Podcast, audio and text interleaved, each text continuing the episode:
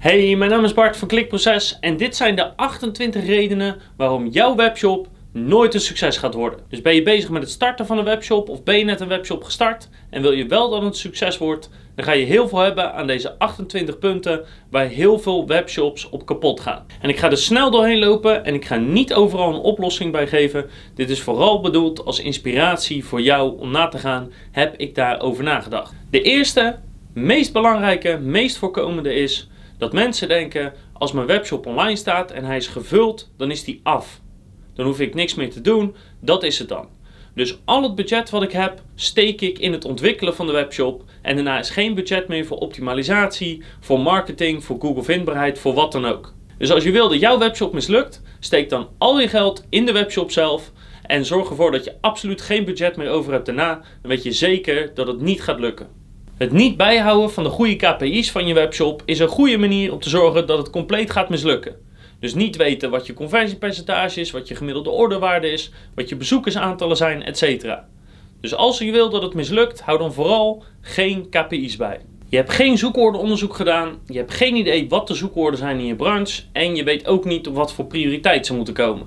Dus geen zoekwoordenonderzoek doen, hele goede manier om nooit succesvol te worden. Ook heb je geen flauw idee hoe goed je concurrenten het eigenlijk doen op gebied van content en op het gebied van scoren op zoekwoorden. Natuurlijk heb je ook vooraf niet nagedacht over een website-architectuur. En wat als je groeit of wat als je iets kleiner wordt. En eigenlijk zet je alles maar gewoon zo op de webshop zonder na te denken. En los van de architectuur en de URL-structuur heb je natuurlijk ook niet nagedacht over interne linken.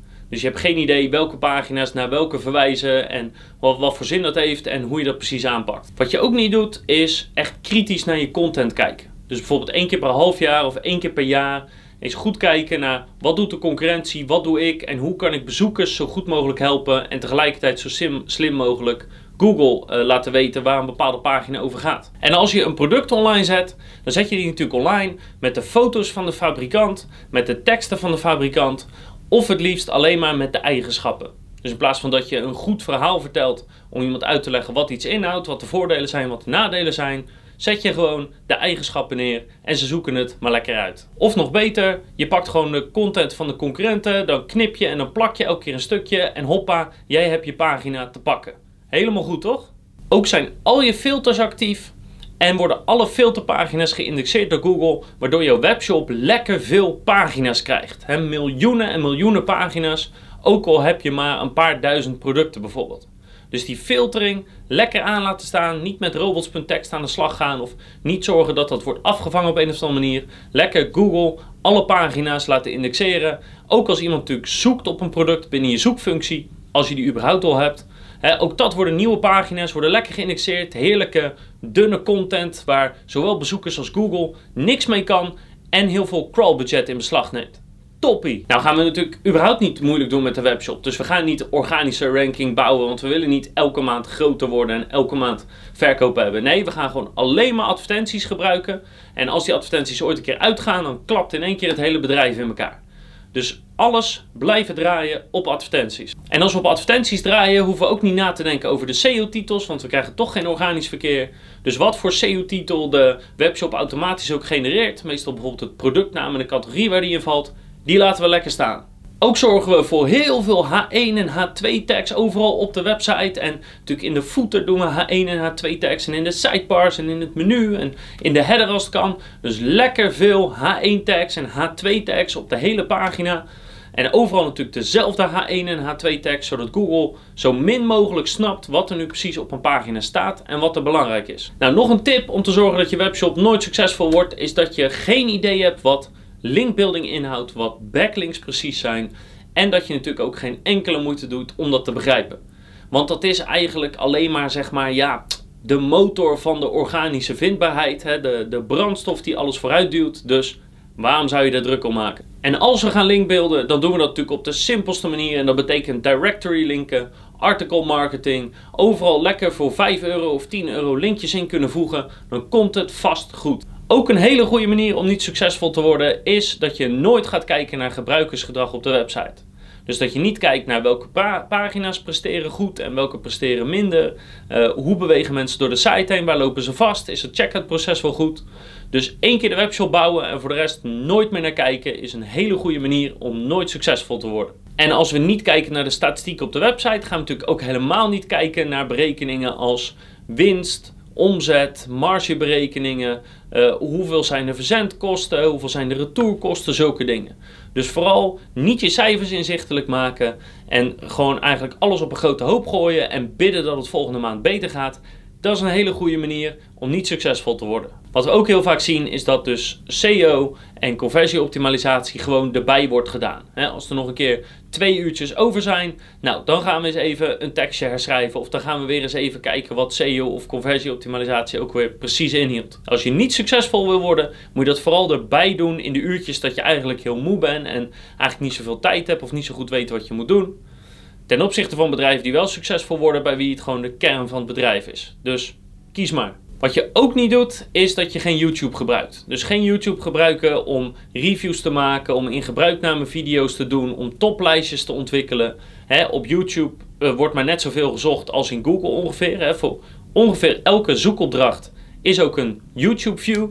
Dus ja, weet je, waarom zou je dat gigantische bereik van YouTube willen gebruiken? Ja, alleen als je succesvol wil worden, denk ik. Ook geen aandacht hebben voor de zoekopdrachten die op je shop gebeuren, is een hele goede manier om niet succesvol te worden. Dus kijken waarop zoeken mensen binnen de site. En is dat omdat het moeilijk te vinden is via het menu?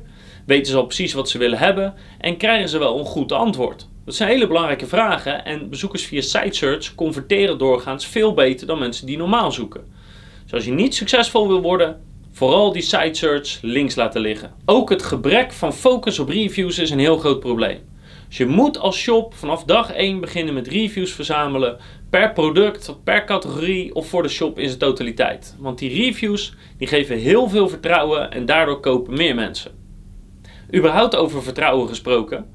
Ook andere dingen als keurmerken en garanties zijn dingen die je echt op je shop wil hebben Tenzij je natuurlijk niet succesvol wil worden. Het ontbreken van kennis die upgedate wordt is een groot probleem. Of het nou gaat over je producten en je assortiment, over de technische zaken van je shop, of over SEO of AdWords of social. Je moet zorgen dat je kennis op peil blijft, anders loop je vanzelf achter en de wereld verandert snel. De ene laatste is dat je geen live chat hebt. En live chat kan heel erg goed helpen om de mensen die nog net over de streep getrokken moeten worden, om die iets te verkopen. Dus wil je niet succesvol worden, dan moet je lekker die live chatten niet opzetten. Want ja, je bent te druk of er is geen tijd voor of dat werkt niet. Zodat mensen die vragen hebben of die twijfelen niet geholpen worden en dus uiteindelijk ook niet bestellen. En de allerlaatste reden waarom jouw webshop nooit succesvol wordt, is dat je geen geduld hebt.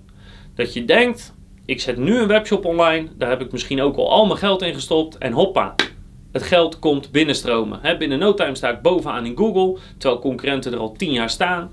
binnen no time dit, binnen no time dat en binnen drie maanden zit ik vast op een miljoen per maand. Nou, zo werkt het niet. Dus wil je succesvol worden, is het geduld. Je bent een business aan het opbouwen, dus trek daar ook maanden, jaren voor uit. En dat is het eigenlijk. Dat zijn de 28 belangrijkste redenen waarom jij nooit succesvol wordt. En nu begrijp ik dat dit een beetje een sarcastisch stuk is geworden, maar dit zijn wel veel voorkomende problemen die we heel veel zien bij webshops, zeker bij startende of mensen die een nieuwe shop starten. Dus zorg ervoor dat je deze fouten niet maakt, dat je dus het tegenovergestelde doet van wat ik je de hele tijd vertel. En dat gaat je heel erg helpen om wel succesvol te worden. Blijf geduld hebben, blijf werken aan de shop, blijf de content verbeteren, blijf verder gaan, verder gaan, groeien en groeien. En ik wens je heel veel succes. En natuurlijk zie ik je graag terug met nog veel meer advies. Nu niet meer sarcastisch, maar gewoon weer positief. Over YouTube, over SEO, over conversieoptimalisatie en over voice.